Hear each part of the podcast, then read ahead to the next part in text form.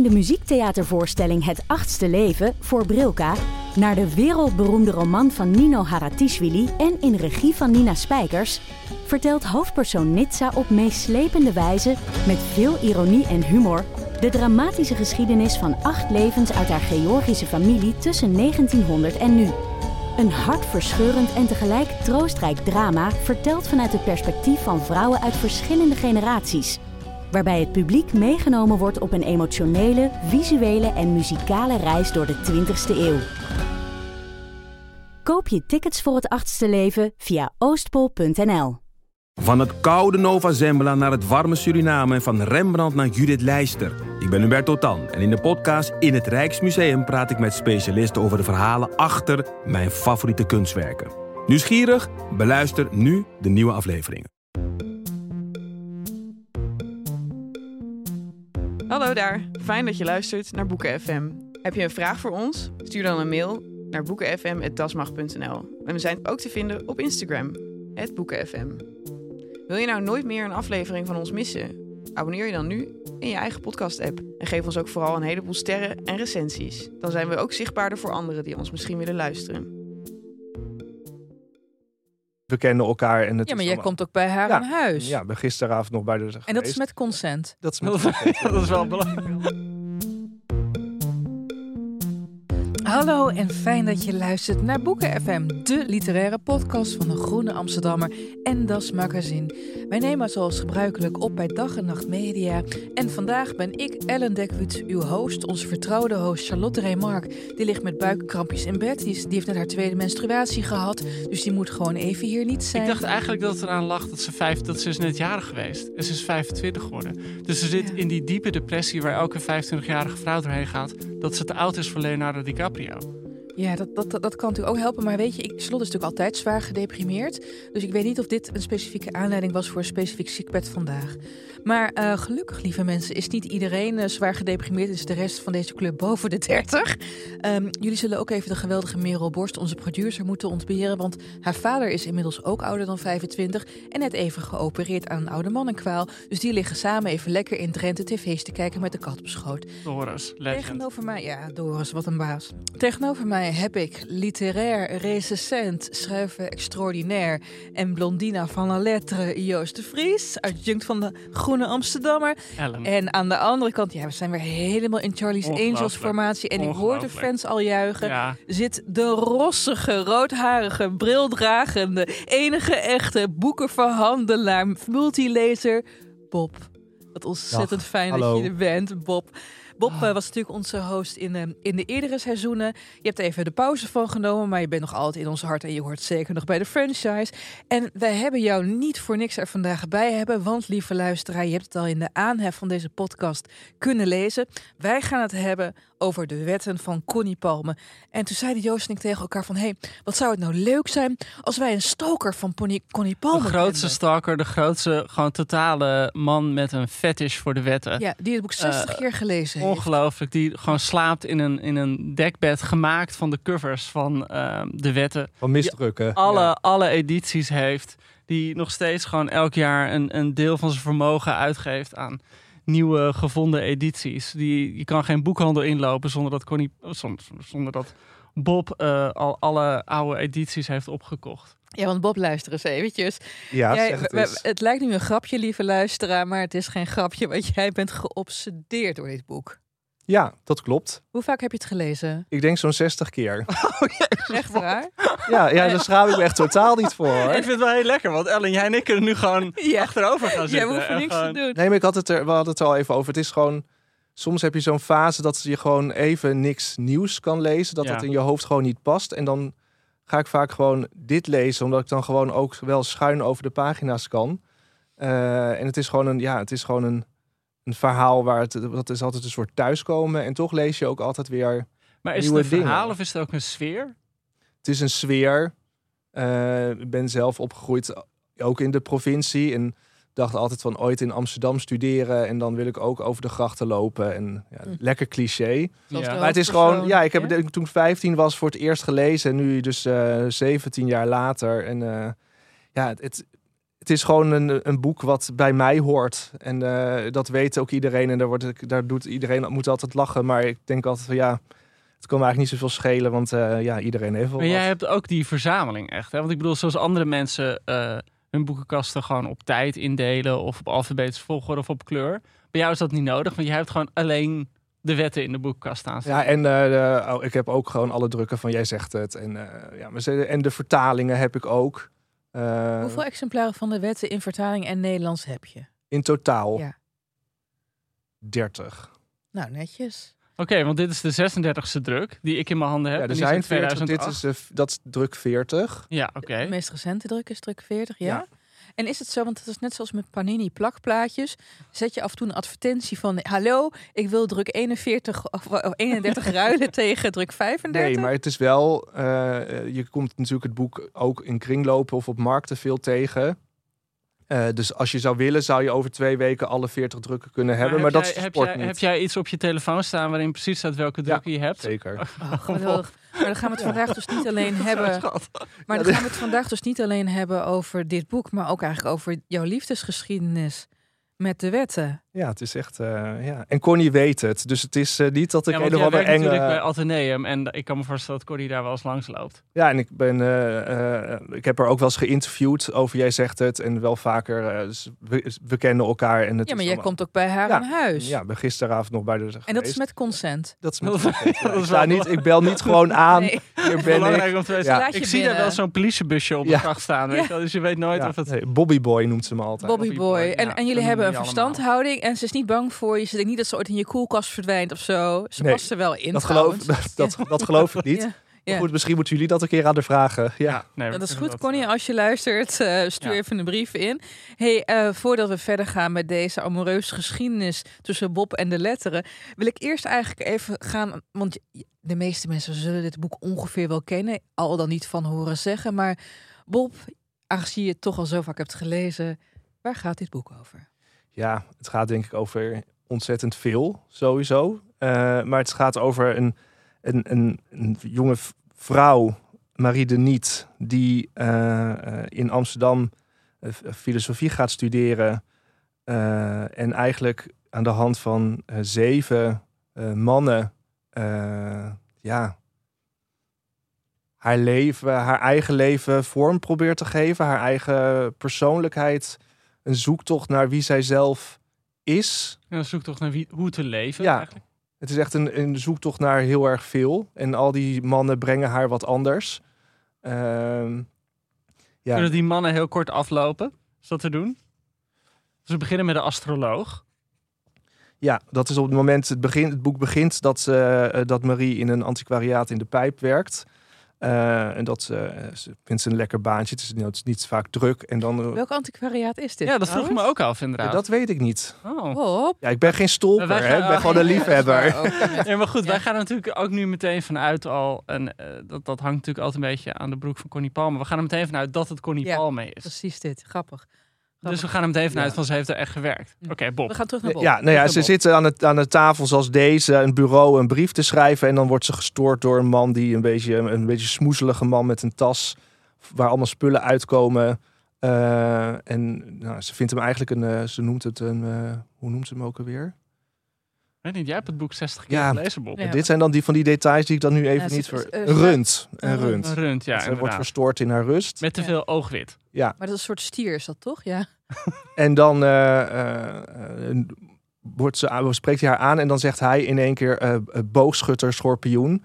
En dan zegt zij klopt en dan is zij eigenlijk al verkocht aan zijn kennis. Waarom?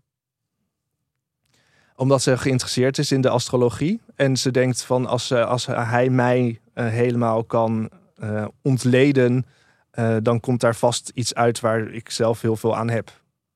Oké, dus dit is één. De astroloog. De astroloog. Ja. Nummer twee. Nummer twee. Die mag jij doen, Joost. De epilepticus. Eh, nou, ja, waarom mag, ja, jij mag hem ook doen hoor. De epilepticus is dus Daniel Daalmeijer. Ja. En dat is een hele knappe jonge man die voor hij epileptisch werd eigenlijk niet wist wat hij met zichzelf en de persoonlijkheden waaruit hij bestond aan moest.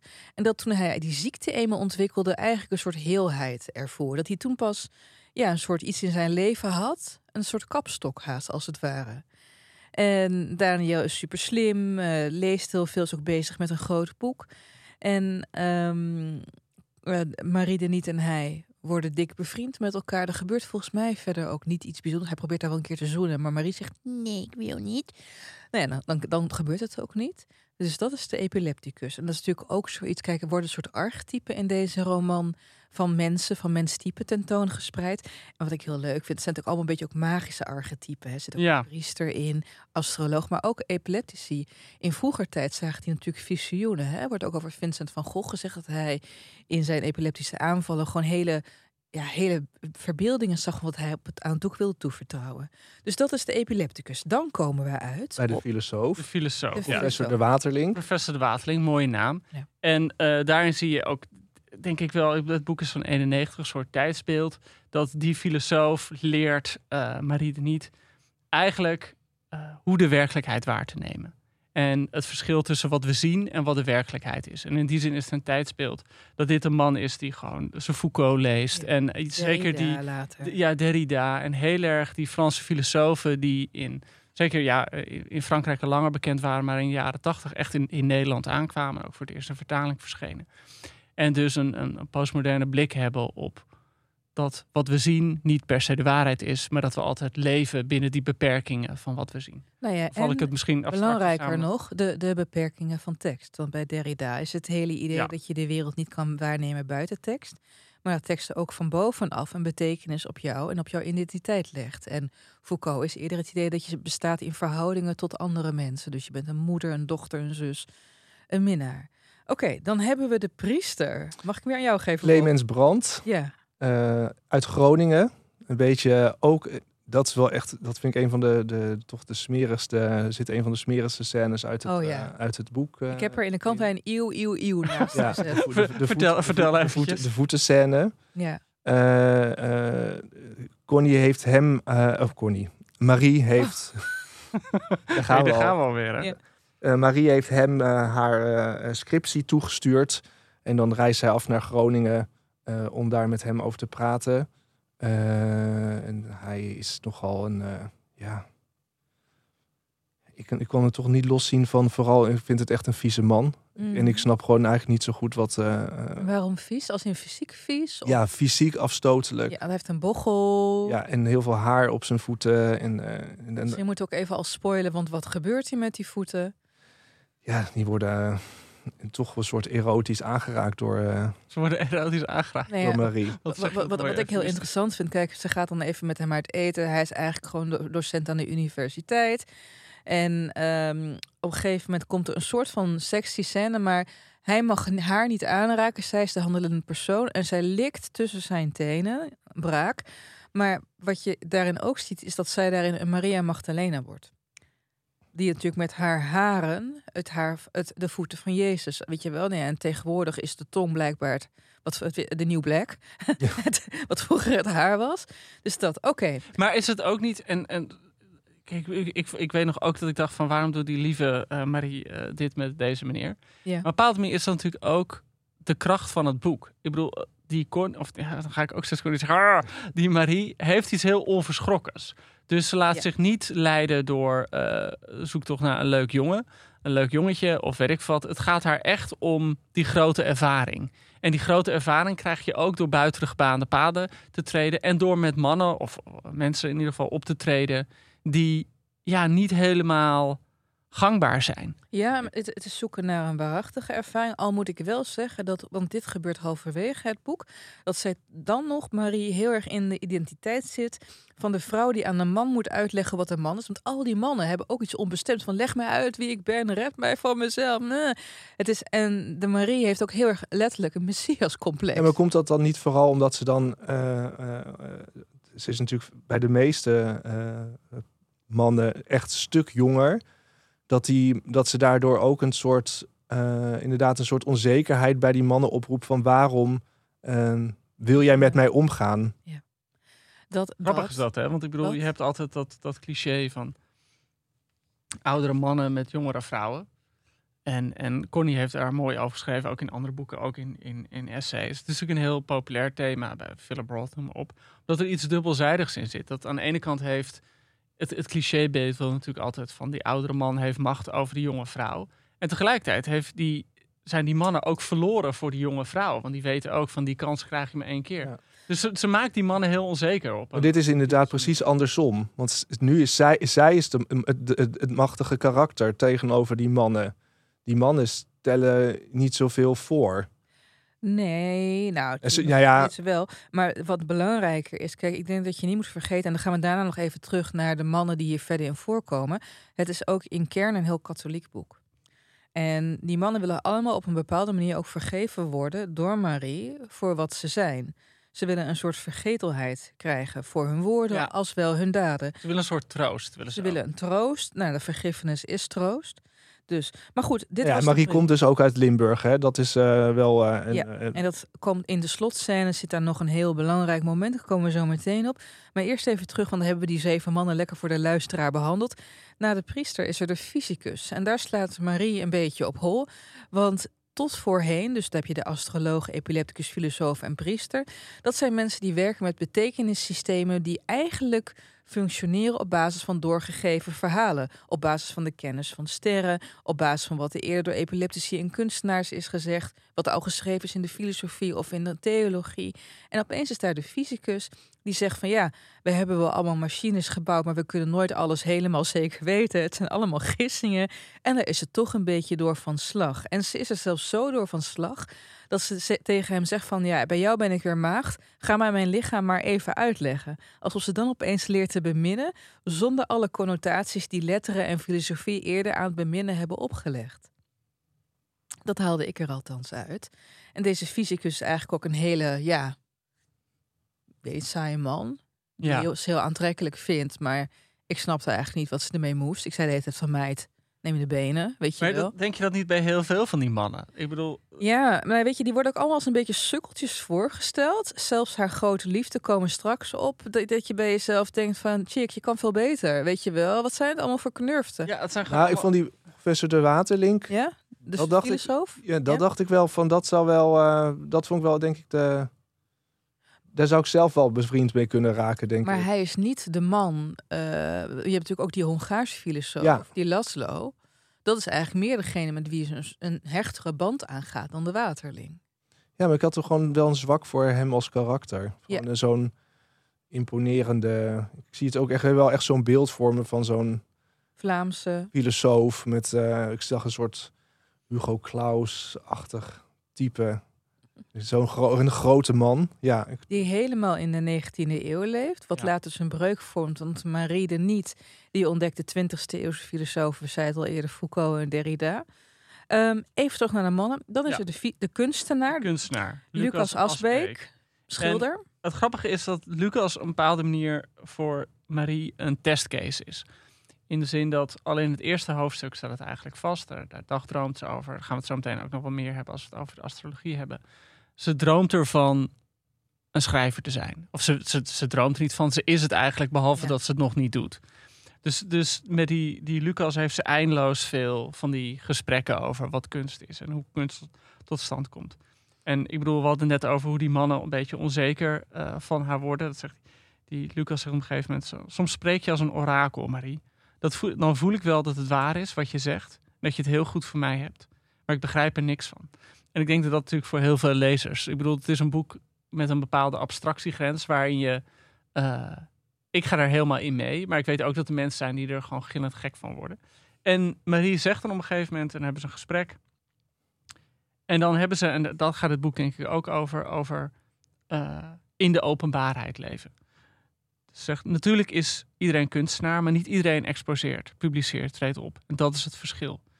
Je bent volgens mij een kunstenaar wanneer je de gemaakte dingen los kunt laten. Zolang je je smartelijke gedichten, onthullende dagboeken, je schilderijen of molentjes van luciferstokjes in het dressoir laat liggen, heb je met anderen niets van doen. Je wordt kunstenaar als je de grens overschrijdt, de drempel neemt naar het publiek. Dan pas stel je de wereld in staat betekenis te geven aan iets. Nou, dan zeggen ze, maar je hebt de wereld toch niet nodig? Maar misschien heeft de wereld jou nodig. Dus op een bepaalde manier, als het gaat over kunst, dan gaat het dus ook heel duidelijk over leven in de openbaarheid. Mm, en ja. publiek kunstenaar dat zijn. is natuurlijk ook waar, ze op af, waar Connie op afgestudeerd is, op de is- Roem. ja. Ja, Dus, dus dit is echt zo'n moment. En ook van, hè, dat, van de wereld heeft jou niet nodig, misschien heeft de wereld jou nodig. Het feit dat kunst dus pas ontstaat in contact met het publiek. En dat de kunstenaar pas kunstenaar is door gezien te worden. En dat, dat, is, dat is volgens mij is, is dat een thema. eh, die openbaarheid van het schrijven is en een thema in het hele werk van Connie Palme. Maar ook de praktijk van het hele werk van Connie Palme. Ik bedoel, hierna heeft ze nog De Vriendschap ge- geschreven. Gewoon een, een meer standaard roman. Maar daarna kwam natuurlijk al volgens mij redelijk snel IM. Wat, wat een, een baanbrekend, weergeloos, eh, spraakmakend boek was over haar liefde met Ischa Meijer. Eh, en dat is Connie ook echt nog meer een publiek figuur maakt. Misschien klinkt het een beetje incestueus als we het helemaal de hele tijd over. Connie hebben. Ja, Maar ja, gewoon, ja, het is Ja, gewoon nee. Connie Palme en, en het is gewoon iemand die je tegenkomt. En, ehm, ja. en dan tot slot, Dan hebben we de psychiater. de psychiater. De vader van de epilepticus is dat. En die psychiater wordt in een voorafgaande hoofdstuk al een beetje beschreven als ja, man die met een jongere vriendin er vandoor is gegaan. Die eigenlijk ook niet de beste psychiater ter wereld is. Maar die zijn zoon ook allerlei medicatie voorschrijft. Maar hij doet zijn best. En dat hoofdstuk bestaat uit brieven, louter van Marie aan de psychiater, waarin ze vertelt over ja, hoe haar leven eigenlijk één grote worsteling is met betekenis. Dus ze is eigenlijk letterlijk bezig met betekenis Tetris. Je probeert er maar een lijn in te vinden, maar het is vooral best wel een bende. Op een zeker moment krijg je ook het gevoel, dat heb ik althans, dat erop wordt aangestuurd dat Marie het even kwijt is. Dat ze zichzelf verliest. En ik moest daarbij denken, want ik kan dit boek niet lezen zonder ook mijn eigen katholieke basis een beetje erin te zetten. Ja? En de orthodoxe basis. En ik moest denken aan de heilige dwazen die in de orthodox-Russische kerk worden ingezet. Dus mensen die zo in vervoering kunnen raken door in dit geval theologie, maar in Marie's geval is het natuurlijk literatuur en filosofie, dat ze zichzelf verliezen. Helemaal van het padje zijn. En dan gaandeweg zie je opeens dat ze zichzelf hervindt. En dan is er die mooie anekdote dat er een processieoptocht is. Ja. Dat is een dubbele, dat is een, maar maakt niet uit. Eh, tijdens, ik geloof, is dit Pasen, jongens? Of is dit... Is een Ehm, katholieke feestdag in ieder geval. het is in september, dus dat zou geen Nee. Pasen zijn. Nee, is dat Dan- Maria Hemelvaart? Nee, het is volgens mij gewoon een feestdag in het dorp zelf. Oké. Volgens, mij is het, volgens mij is het een processie in Sint-Odiliënberg. Over voor Sint Odilia, Ja. want daar wordt ook een beeld van rondgedragen. Ja. En op een gegeven moment, en dat vond ik heel interessant. En dit beschrijft ze dus ook. Zij wil eigenlijk die processie tegenhouden, gewoon door er fysiek te zijn. En ze heeft voorafgaand aan dat moment ook al verteld in die brieven aan de psychiater.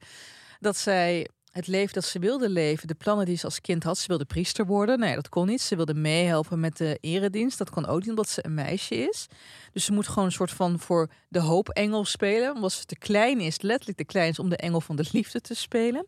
En dan houdt ze door gewoon op de weg te staan de processie tegen. En dan staat er dit. En dan heeft ze trouwens ook, moet ik erbij zeggen, net Sartre gelezen. Dus eh, weet je wel, dan sta je op meerdere momenten, op meerdere punten ben je dan aan het klem staan. En dan wordt de priester heel boos en dan zegt hij, knielen, zuster. Hij kniel voor het allerheiligste witte. En ze wordt witte genoemd omdat zij zo blond is. En dan staat er, ik boog niet door mijn knieën, ik stortte erop neer. Ik wou bidden om vergeving, geloof ik. Maar ik wist niet meer wie mij vergeving moest schenken. God, mijn grootvader, oh, die dus ook in de optocht meeloopt, of meneer Sartre.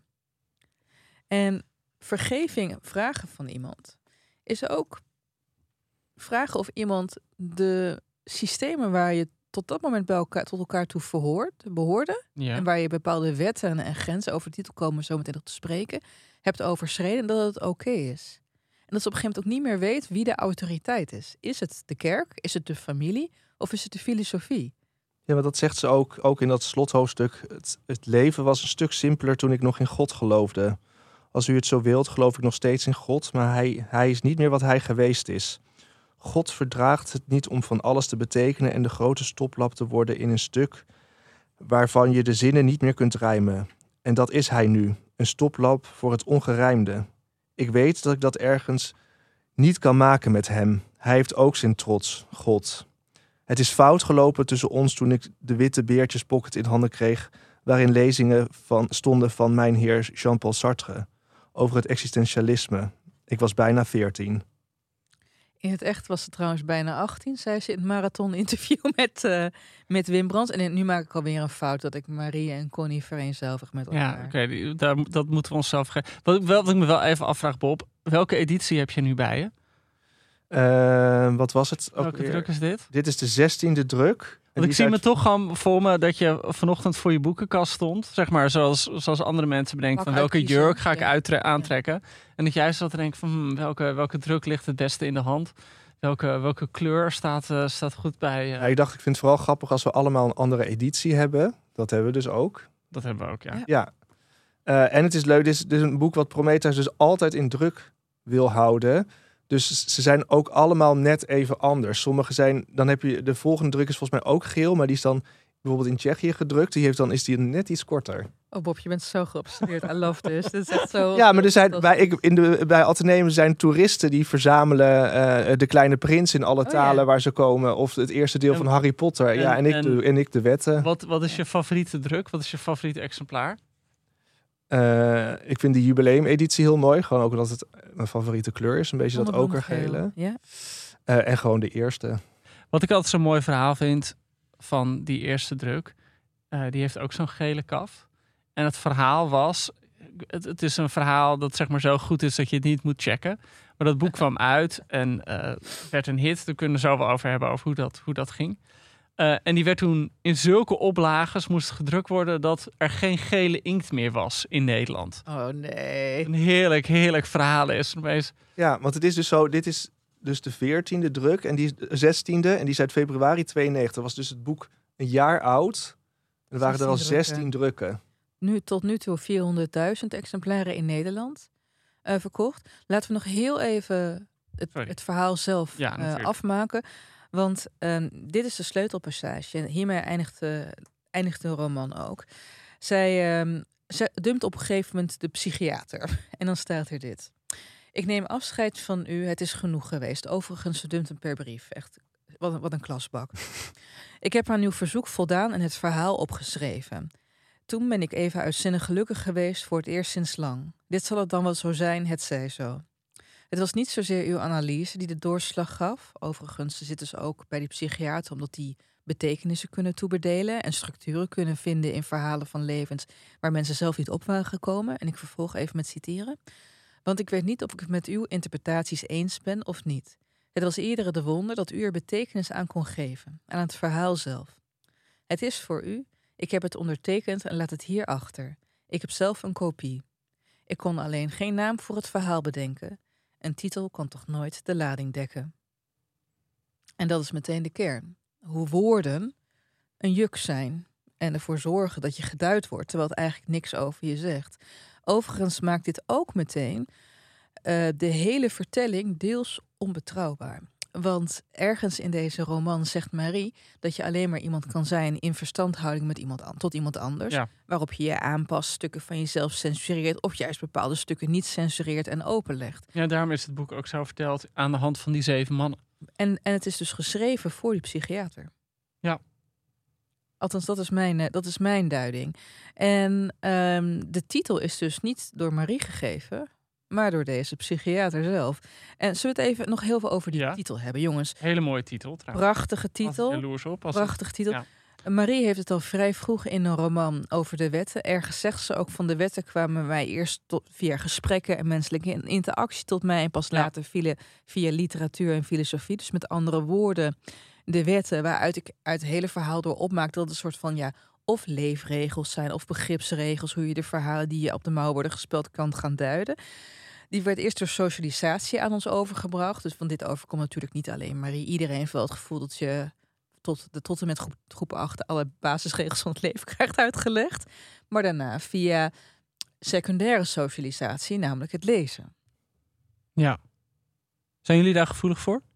Ja, absoluut. Jij? Ja, je hebt altijd, ik bedoel, het algoritme weet je natuurlijk altijd te vinden. Ja. Maar je hebt altijd op, op Insta of zo van die filmpjes van... oké, dit zijn de vijf dingen die je moet doen om dit te, te krijgen. En dan gaat het niet eens om geld verdienen of af te vallen... maar meer gewoon van, als man hoor je dit te weten. En dat je dan altijd, ook al weet je dat het gewoon clickbait is... ja. dat je toch altijd maar weer gewoon klikt... en dat je denkt van, oh, oh, ik moet geen horloge dragen onder een smokingjasje... want anders dan, eh, dat is slechte manieren, weet je. Dus op een bepaalde manier is het toch iets waar je denk ik... Nou, heel veel- ook ja, etiketten. Ja, ja, nee, het is altijd... Het is, ja, ja, dat- Er is geen ontkomen er is aan. geen ontkomen aan. Het blijft altijd aantrekkelijk. Altijd, je blijft altijd op zoek naar een handleiding voor het leven. Zeg Bob, jij was dus 15 toen je het las en je zag jezelf al flaneren langs de Amsterdamse grachten. Waar, waar groeide die ook weer op? Veenendaal. Oh, Veenendaal. En je was natuurlijk zo gay als een confetti-kanon daar. Nee En- hoor, helemaal. Nee, like a rainbow. Nee, en, en het was natuurlijk super gelovig daar. Ja, Maar eh, het mo- er moet meer in het boek zijn geweest. Niet alleen de belofte van een toekomst in de grote stad, maar ook, want het is natuurlijk een boek wat in kern heel erg om identiteit gaat. Hoe Ja, ik denk dat toch- aan mijn leven. bij de eerste lezing toch wel vooral dat was hoor. Toch wel, ja. Gewoon, eh, Dat filmische. ja, en het Ja. toch het zoeken eh, naar, nou, was gewoon, ik voelde aan alles dat ik zelf niet in Veenendaal paste, Mhm. thuis hoorde, maar wist ook niet zo goed waar dan wel. Eh, of dat dan Amsterdam, dat voelde natuurlijk heel natuurlijk, omdat nou ja, dat is de, de grootste stad van het land en daar gebeurt alles, dus dat zal het wel zo zijn. Maar ehm, ja, het was denk ik vooral toch een zoektocht naar wie ben ik en wat wil ik zijn. En ik merkte gewoon zelf dat ik eh, middels lezen en eh, op mijn kamer las ik het ene boek naar het andere boek. Ehm, en het luisteren naar klassieke muziek of jazz. Ik wilde eigenlijk alles zijn wat mijn ouders of Venendaal niet was. Mm. Alles. En dat, dat, dat was eigenlijk... ehm, Dus eigenlijk werd je zijn gedicteerd ja, door degene waar je Ja, door je wat je, afgaf. door wat je niet wil zijn. ja. Had jij dat niet in Drenthe? In Twente, Joost. Twente. Ja, waarom haal ik... oh, sorry. Twente is Overijssel, toch? Ja, zeker. ja, nee. Dus we zijn nu weer eh, alle, alle luisteraars buiten de ring kwijt. Sorry. Nee, voor mij is het anders, want ik kom echt, en ik, ik haat dat woord, maar ik kom echt uit een, uit een, uit een intellectueel Ja. milieu. Weet Ja. je, eh, middenstand, arme middenstand, Ja. maar wel intellectueel. Dus kennis, weet je, ja, we hadden meer boekenkasten dan behang thuis. Dus voor Ja. mij was het anders, Bob. Ja, en wij hadden helemaal geen boeken. echt? En nu ben je gewoon, je leven draait om boeken. Ja. Ah, We hadden wel wat boeken, we hadden niet heel veel. We hadden één Lundia-kast. En later pas ben ik gaan beseffen welke boeken erin stonden. Fantasy. Turks fruit Oh. en, en Naakt over de schutting. Dat het eigenlijk alleen maar van die, van die seksboeken waren van mijn vader. en mijn moeder is later die fantasyboeken gelezen. Toen nog niet inderdaad. Maar dat, dat was dan een Fanny Hill. Weet je wel? Dat ik later pas doorgekregen dat er in de boekenkast van mijn vader een bepaald thema aan verwerkt had.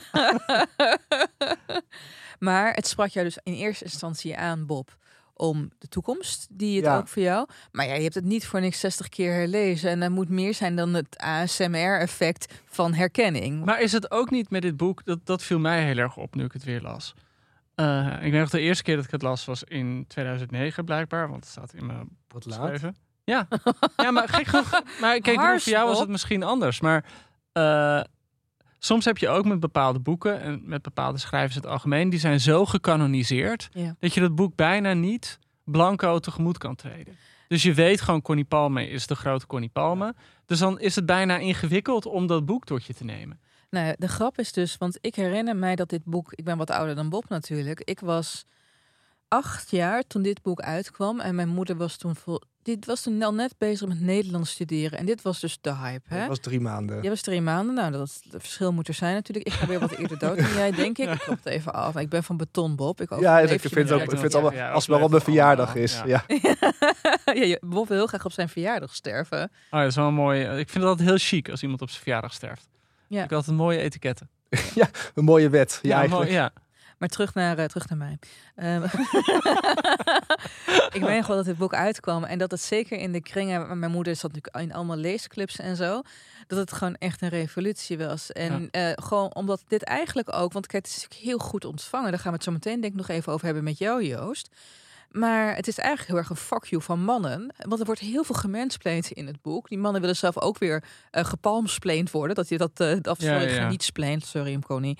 Ehm, het is heel erg eh, anti-man op een bepaalde manier. En heel erg anti-rollenpatroon. En heel erg, ze verfoeit ook die Marie. Het feit dat ze als vrouw wil zorgen. Dat ze de grote liefde wil zijn. Daarom gaat ze bijna ten onder aan die liefde voor Lucas Asbeek. Ze verliest zichzelf. Ja, en wat er natuurlijk heel mooi in zit, is dat al die mannen met hun kennis komen. Maar dat ze laat zien dat die kennis niet alles is. Want elke man Nee. heeft weer een, een andere kennis die haak staat op die voorgaande kennis. Precies dat. Dus er komen allemaal mensen met wetten en met antwoorden aan. Maar geen van die antwoorden zijn echt toereikend. En sluitend. En ze sluiten elkaar inderdaad uit. Maar ik weet nog wel dus dat... Ik herinner me ook dat Connie Palme opeens overal was. Want dat, dat was het leuke aan mijn ouders. Dit is het leuke. Die deelden al heel vroeg die hele literaire wereld ook met mij. En ik weet nog wel dat mijn moeder op een gegeven moment had gehoord dat Connie Palme ergens in de buurt van Twente een lezing ging geven. En die heeft echt de hele vriendinnenlijst afgebeld met z'n allen naar Connie Palme. En ook, want die vrouwen waren allemaal... Connie was 36 toen ze hiermee debuteerde. Mijn moeder was nou, iets, een paar jaartjes ouder. En al die vrouwen die dus voor een bestaan als huisvrouw hadden gekozen... terwijl ze allemaal hoog opgeleid waren... die, die hadden denk ik ook zoiets van, oh, zo kan het ook. Je, kan ook, je hoeft niet per se een moeder te zijn. Want die maatschappelijke druk heb je en had je nog steeds. En het was een zo van, zo kan het ook zijn. En dat vond ik heel fascinerend. En ik wilde dat boek dus heel graag lezen als kind. Maar uh, ik kreeg het niet te pakken van mijn moeder. ik heb toen wel meteen, toen een paar jaar later de vriendschap uitkwam. Bob, ik kijk even naar, is dat 94, 95? Dat de vriendschap, uh, de wet is uit 91. Hij is in 94. Ja, en toen kwam het uit. 95 overleden, toen ja. kwam het ongeveer uit. Ja. Want, want voor, voor, de duidelijkheid moeten we dat er even bij zeggen. De wetten verscheen. Volgens werd ze geïnterviewd door Ischa Meijer op tv. Bij Eiken Oh, bij Eiken Linde. Uh, binnen no time hadden ze een relatie met elkaar. Hij riep ook, ik ben de achtste man. Ja, ik ben de achtste man. Nummertje acht. Ja. Nummertje acht. Een radio-interview. Een radio-interview, ja. sorry. En um, zij werden dus meteen zo'n glamour-stel, een heel bekend stel. Zij schreef een tweede roman. En volgens mij lag het ongeveer al bijna bij de drukker... dat toen Ischa onverwacht overleed, een hartstilstand. En toen heeft zij op het laatste moment nog het motto aangepast. Oh, ja. Dat is een heel fijn motto. Dat is een gedichtje van Ischa Meijer. Ik zeg nu uit mijn hoofd. Jij bent veel beter in poëzie uit je hoofd onthouden dan ik. Maar uh, volgens mij is het iets van... soep op het vuur is als een oude vriend in huis. Zo, mm. dat is altijd zo'n zin die me altijd bijblijft. Een zin altijd als iemand soep... vind ik het altijd een heel fijn idee als iemand soep maakt. Mm. Nou, maar grappig dat je dat zegt. Want uh, dat is ook een van de hoofdthema's van Connie Palmers oeuvre. Thuis zijn. Intimiteit. En zij heeft in interviews ook altijd gezegd dat ze eigenlijk maar twee dingen in het leven heeft die ze de moeite waard vindt. De eerste is liefhebben en lief gehad worden. En het tweede is schrijven. En je ziet ook, wat zij ook in. Ik heb er zelf ook een keer mogen interviewen. Die kan je trouwens terugluisteren op Spotify. Het heet Bij Voor de Liefste. Zij op oh, een ja, gegeven moment. oh, ja. Daar hebben we ook een heel gesprek over um, wat liefde eigenlijk. Mag ik nog heel even dit zeggen? Ja. Wat heb jij een gigantische knaller met je poëziepodcast trouwens? Oh, dank Dat je. is toch echt niet normaal? Ik Ja. bedoel, ik vind best dat we daar even in onze podcast ook reclame voor mogen maken. Joost, Het is, hij je. staat gewoon elke dag in de top 10 van best Het is ook heel Ja. fijn. Het is, wat is het, zes minuten meestal? Het is zes kort, Dat minuten. is natuurlijk fijn. ja, dat is echt heerlijk. Nou ja, het is eh, wat ik heel fijn vond. eh, sorry, Connie, even over mij. nee, maar ik ben het wordt echt flink geluisterd. Het was laatst, eh, stonden we boven Gijs en de Marcel. Dus dat was wel even gniffel de gniffel. maar Ja, los, nee, daarvan, nee, dat gaat heel goed. En wat ook leuk is, ik heb nu ook meteen, eh, binnen, binnen twee weken heb ik, een, ehm, heb ik een contract voor het jaar gekregen. Had is voor Oh. een paar maanden. Dus nee, Afro Tros is er heel blij mee. Super. En ik mag dus, ik heb een carte blanche, dus eh, ik mag doen wat ik wil. Dus ik heb ook al intertextualiteit lopen uitleggen. En ik, Misschien eh, moeten we ook gewoon elke dag Boeken FM zes minuten opnemen. Gewoon Het lijkt me heel enig. Een stukje proza. Ja. Wat ik stukje het mooi proza. vinden. Oh, dat Ja. is leuk. Eh, terug naar Connie. Wat ik dus nog wilde zeggen van eh, de eerste keer dat ik het las, toen moest ik me dus even overheen zetten dat het zo'n gecanoniseerd boek was. Toen las ik het denk ik meer op een soort intellectueel niveau, omdat je gewoon benieuwd bent naar al die grote meningen, eh, al die grote theorieën die worden verkondigd. Maar wat me nu eigenlijk toch alweer opviel, en dat is ook wel iets wat er heel aantrekkelijk aan is. Ik vind het echt een boek dat eh, het leven omarmt. Dat heel nieuwsgierig is. Ja. Het is, heel, het is een, een hoofdpersoon die heel avontuurlijk is. Die niet bang is om gekke dwarsverbanden aan te gaan. Die niet bang is om ongelijke relaties te beginnen. Het is gewoon een heel ja, onbeangstigd boek. Eh, Het is een heel moedig boek. Want ik dacht de hele tijd ook van, wow, weet je wel, wat een ballen. Om ook, want dit was in een tijd... Kijk, de vrouwen uit mijn moeders cirkel lazen erop opzij, maar de emancipatie was nog lang niet. Al werden wij gegaslight. Weet je wel, dat het wel zo was. Ik dacht even van, meid, wat een ballen. Wat een ballen. En als je het hebt over moed, Joost. Het is natuurlijk deels geënt op, de, op het middeleeuwse eh, mirakelspel Marieke van Nieuwegen. Waarin een jonge vrouw, Marieke, het met de duivel aanlegt. En ehm, de zeven, zeven jaar lang in ruil voor allerlei kennis en vaardigheden ehm, eh, zich aan hem verbindt. En eh, dat is dit ook. Dit is een soort slooptocht, zowel van zichzelf als haar omgeving, op zoek naar kennis Ja, en betekenis. Ja, ik vind, het, ik, vind het, ik vind het heel sterk. Waren er ook dingen, jongens, eh, eh, die jullie iets minder vonden? Ja, Bob, Ja, Bob, durft niks ja, te Nee. Bob- ik, Bob is ik gewoon klap dicht. ik klap een- dicht. Ja? Nee, wat Ja. ik er wel nog even, wat ik er ook goed aan vind, wat- dat ik toch bij elke le- lezing of herlezing ook weer nieuwe, dat er toch nieuwe zinnen me dan eh, opvallen. Dus ook op een gegeven moment een, een, een, fragment dat ze in, eh, in, eh, in, in Limburg is, in de Sint-Odiliënberg. En bij volgens mij inderdaad iets met, eh, eh, met die priesters. En dat, dan, dan schrijft ze in zo'n zin van dat de priesters wel oog hadden voor de, voor de jonge kinderen in het dorp. Ja. Ja. En dat was me toen ik de eerste keer las niet opgevallen. Maar sinds dat al dat gedoe in de katholieke kerk... Grappig. Het valt zo'n zin in één keer wel op. En dat vind ik eigenlijk wel heel tof aan. Dat Oh, het ja. toch nog blijft verrassen. Wat, wat ik er grappig aan vond deze keer dat ik het nu las, is er, zit- er zit een betekenis. Het boek heeft een betekenis die het nog niet had toen Connie Palm het schreef. Eh, meteen het eerste hoofdstuk over de astroloog vertelt ze van op mijn veertiende had ik een droom. Ik liep in het dorp over straat en bespeurde een grote opwinding onder de mensen zodra ik aan ze voorbij liep. Ze wuifden en knikten mij vriendelijk toe, welwillend en ook met ontzag. Daarna staken ze hun hoofden bij elkaar en hadden het over mij. Er was iets aan de hand, maar ik wist niet wat. Nieuwsgierig holde ik naar huis. Mijn moeder wist altijd alles. De keukendeur is open en mijn moeder staat voor mij, geflankeerd door mijn broers. Ze kijkt naar mij en slaat haar handen in het haar. Ze vraagt verbaasd of ik hetzelfde nog niet weet. Nee, nee, ik weet niks. Het was nog geen uur geleden verkondigd op de radio. Ik had de Nobelprijs gewonnen. Dat kon onmogelijk waar zijn. Ik heb nog geen letter gepubliceerd. Maar ze weten dat je een schrijver bent, zegt mijn moeder. En de hele dag niks anders doen. Ze geven je de prijs alvast op voorhand, want ze weten dat het goed is. En het gekke is dus, het boek preludeert er al op dat, dat ze een groot schrijver gaat worden. En vervolgens komt die astroloog langs en die, die heeft haar eh, gegevens gelezen. En wat hij dan volgens aan haar beschrijft, is ook bijna het leven van Connie Palma. Hij zegt gewoon, je gaat schrijver worden. Eh, eh, en bij jou groot, de, de, de, er zit een harmonie in je thema, noemt hij dat dan. En dat is dat je een aantal zware dingen gaat meemaken in je leven, maar dat je daardoor ook kan schrijven. En dat is natuurlijk precies wat er in het leven van Connie Palme is gebeurd. E- Even sceptisch. Ja, tegelijkertijd dat gebeurt bij... Ja, Ja. iedereen maakt erge dingen mee. Maar- Iedereen heeft mensen die doodgaan. En daar heb je helemaal gelijk in. Maar, maar al- als ik iets mag zeggen waar waarschijnlijk de, het, het gros van de lezers nu bij mij, als ik het zeg, meteen op afhaakt. Als je Connie Palme in persoon meemaakt, er zit een, een glamour om haar heen die tegen het shamanistische aanschuurt. Ja, ik weet nog dat... dat Jesus Christ. Ik weet niet wat het is, maar het, het zou mij niks verbazen als die Maar ik- gewoon ik weet nog dat- half, de helft van de tijd in de onderwereld een beetje met geesten praten en zo. Dat zou me niet ja, verbazen. nee, ik weet nog... eh, We moeten oppassen altijd dat we niet, eh, dat we niet een, grachtgordel bijeenkomst worden. Maar eh, ik had een boekpresentatie en daar was Connie ook. En dat mijn moeder echt tegen me zei... Jezus Christus, Connie Palme. Weet je, nou, dat, dat hoor je mijn moeder niet heel snel zeggen. Ja, maar een deel is reputatie, maar een deel is ook echt wel. Er zit een soort kracht, er zit een soort van juggernaut, is het? Of Nou, zo? Dat, oh, Mag ik, mag ik de, op basis daarvan iets, iets zeggen over de ontvangst en de media-hype die er gebeurde? Nou, de ontvangst is, is redelijk geka- ook gekanoniseerd. Vooral door Ryan Mulder zelf, die er uitgebreid over geschreven heeft. En eh, het idee is, dit boek werd echt gelanceerd met een hele grote bespreking in NRC. Echt, er staat ook zo'n quote, zo'n blurb op de achterflap van... De wetten is één grote schatkamer Ja. waaruit je naar hartelust citaten kunt halen... die het verdienen onthouden te worden. Ryan Mulder, NRC. En later heeft Ryan Mulder een keer geschreven hoe dat, hoe dat stuk tot stand kwam. Namelijk dat de boekenbijlage van NRC Handelsblad... en er zou een grote opening geschreven worden over... Nou, laten we zeggen Brecht of zo, of Günter Graal, zoiets. En op het laatste moment ging dat stuk niet door. Oh. Dus alsof het in de sterren geschreven was, had hij net de wetten gelezen. En zei, oké, ik schrijf wel nu vlug een stuk over de wetten. Dus eigenlijk dat stuk stond niet gepland en landde Nee. opeens. En daarmee was het boek gelanceerd. Maar ook, ook, ook dat. Maar ook in de tijd was Matthijs van Nieuwkerk, oud studiegenoot van Connie, was. Was hij van de Haagse Post of Parool? Parool. Parool. denk Parool? ik, ja. Hij, zei, hij heeft achteraf gezegd oh, hierover, want Connie heeft zijn scriptie geschreven. Hè? Dat geeft hij ook uit, ruidelijk toe. in. Zijn scriptie over Hegel is door Connie gemaakt.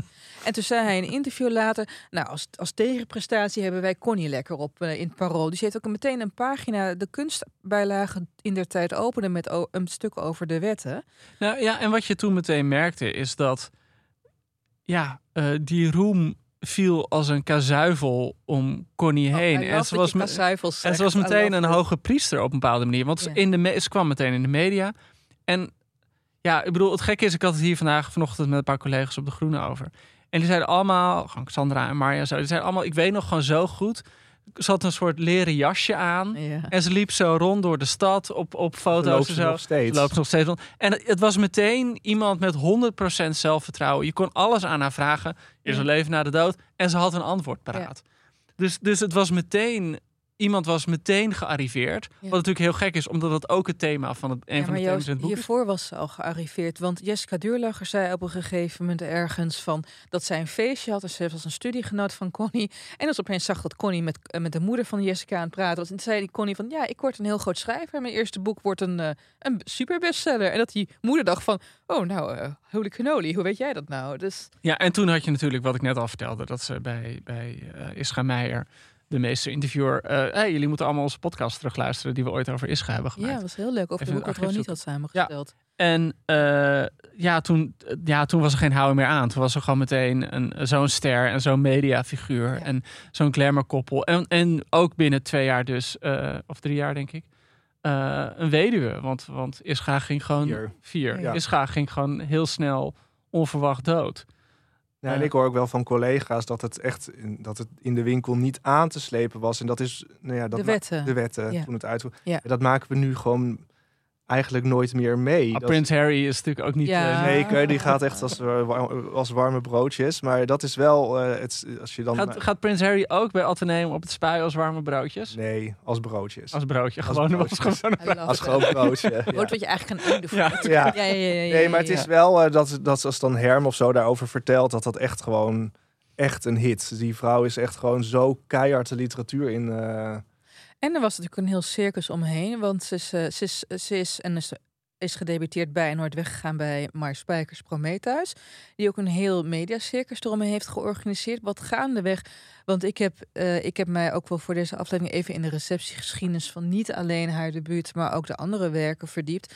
En op een gegeven moment zag je ook dat, dat critici dat haar de, tegen haar begon te gebruiken. Ja, nee, Connie heeft echt haar, haar, haar vijanden op die manier. Ontzettende Ja. lullige dingen zijn er gezegd. Er zit ook ontzettende scheute vrouwenhaat Ja. bij. Als je kijkt wat Arjan Peters of Hugo Borst over haar hebben gezegd en geschreven.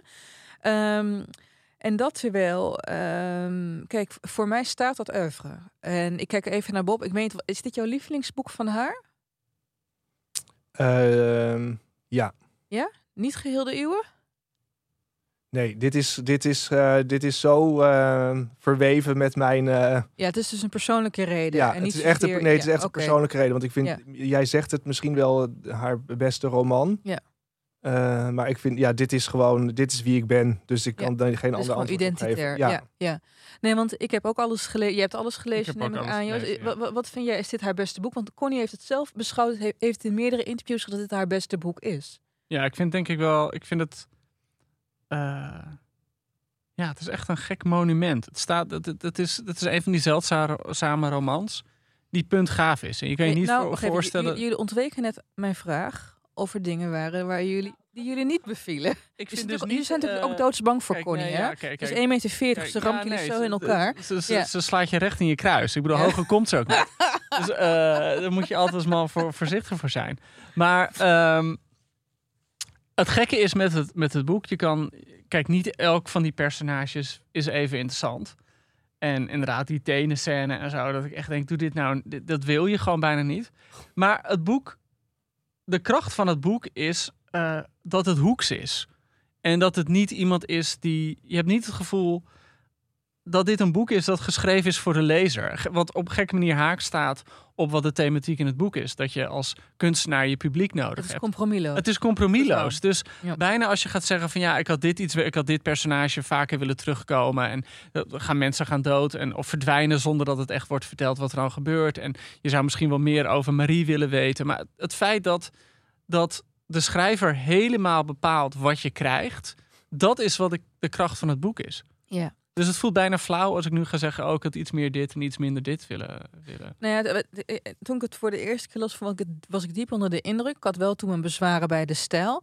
Maar ik besefte bij die eerste lezing nog niet dat het eh, een hele ja, apologese haat aan die psychiater is. En dan ga je anders schrijven. Kijk, als ik zie de stijl waartoe ze in staat was toen ze zich inleefde in het personage Ted Hughes. Want fun fact, lieve luisteraar die van Sylvia Plath houdt. Jij zegt het gaat over Plath en Sylvia Ja.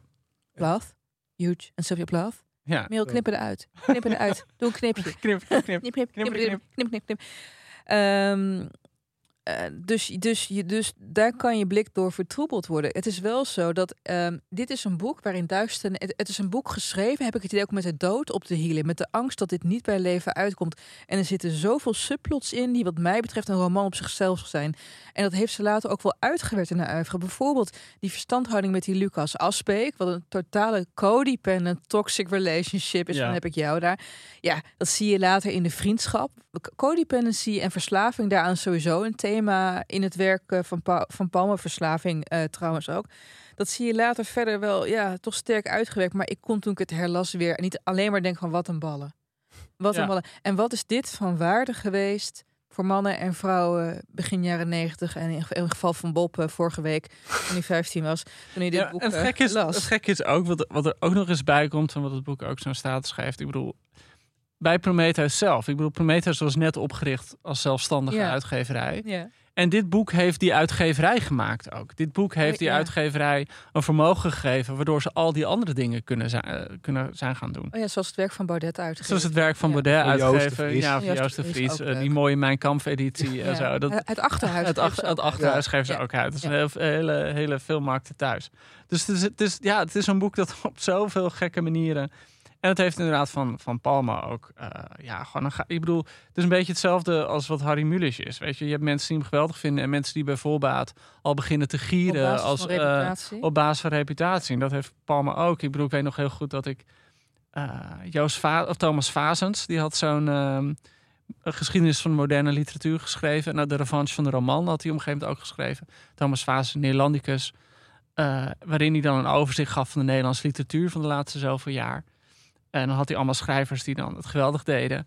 En hij zei alleen maar van ja, nee, ik, het is geen persoonlijke smaak eh, waar ik me door laat leiden. Het is puur door receptiegeschiedenis en, en wat boeken betekenen. En toen zeiden wij, we interviewden hem toen met de Groene, dat zeiden van hé, hey, ja, maar Connie Palme zit er niet. Hij zei, ja, maar Connie Palme, daar begin ik daar hoor.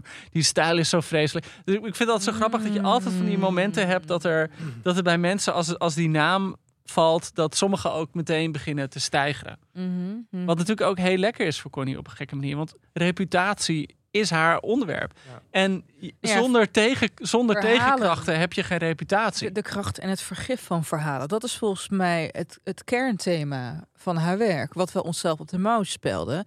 En hoe dat, wat, het, wat een identitaire effecten dat heeft. Ja, weet je, lieve luisteraar, we moeten het zo meteen nog even becijferen. Maar jullie voelen al aan ons water dat het eh, nou geen onvoldoende zal zijn. Maar eerst wil ik nog iets leuks vertellen over dit boek. Want eh, het, het, puilt niet alleen uit van mansplaining, maar ook van mansnaming. In die zin dat die mannen allemaal een andere naam hebben voor Marie. Ik vind het heel veel zeggen dat je pas op pagina 189 van de 237 weet wat haar volledige naam is. Ze wordt bijvoorbeeld Monsieur Lune genoemd, Teresa, Servus Kislan, Emmeken, eh, jonge vrouwen NN en Suske. En wij dachten van hier moeten wij even iets mee. En kijk, omdat Bob natuurlijk eh, woont in de afvalbak tegenover Connie's huis, heeft hij, het aan haar, heeft hij aan haar gevraagd van Connie, we willen een winactie doen. Dat vond ze helemaal leuk. En Bob, wat heb jij gefixt voor ons? Ja, een gesigneerd exemplaar. Oh, een gesigneerd exemplaar. Ja, Van de hoeveelste druk? Van de 40ste druk. Oh, de jubileumdruk. De jubileumdruk. Een, een hele mooie druk De trouwens. okergele mooi, ja. jubileumdruk. Dus lieve luisteraar, als jij eh, dit wil winnen, dan moet je meedoen met de volgende prijsvraag. Wij willen dat jij een nieuwe leuke naam voor Connie Palme bedenkt. Mag van alles zijn. Max Pam noemde haar geloof ik een tijd lang Pony Kamme vanwege haar wilderige, wulpse, alle kanten opschietende haar. Eh, bedenk een leuke naam. Stuur hem naar, ik ben het e-mailadres kwijt, maar nu gaat Merel het inspreken met haar stem. boekenfm.dasmag.nl Dankjewel Ik neem, boeken, ik neem aan boekenfm.dasmag.nl. Dasmag.nl, ja, en anders kan je natuurlijk ook via onze Instagram, volgens op Instagram, volgens op Instagram, eh, kan je natuurlijk ook insturen. Winactie die loopt tot 28 februari. Want ja, we gaan natuurlijk niet eeuwig lopen wachten op de Nee, beste naam van nee. Connie Palme. Dus eh, doe lekker mee. Jongens, een cijfer. Bob.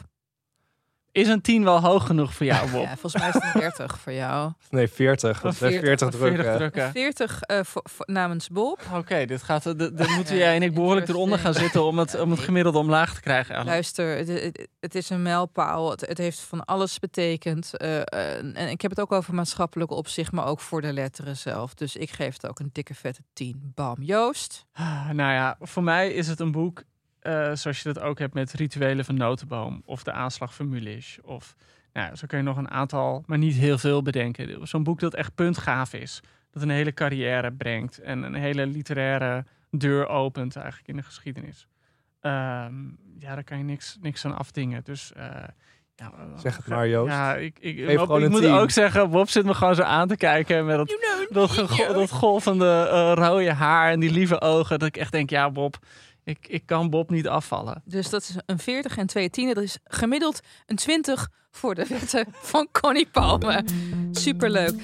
Lieve luisteraar en lieve medemannen. Bob, dankjewel dat je er langs was. Wat leuk dat je weer een cameo had. Kom je binnenkort weer bij ons? Ja hoor, laat maar weten. Als Top. jullie wel een goed boek gaan doen, dan kom ik wel. Als we een keer een goed boek gaan doen. Rituelen steeds notenboom bijvoorbeeld. Ja, zullen we ook een keer rituelen van Notenboom doen?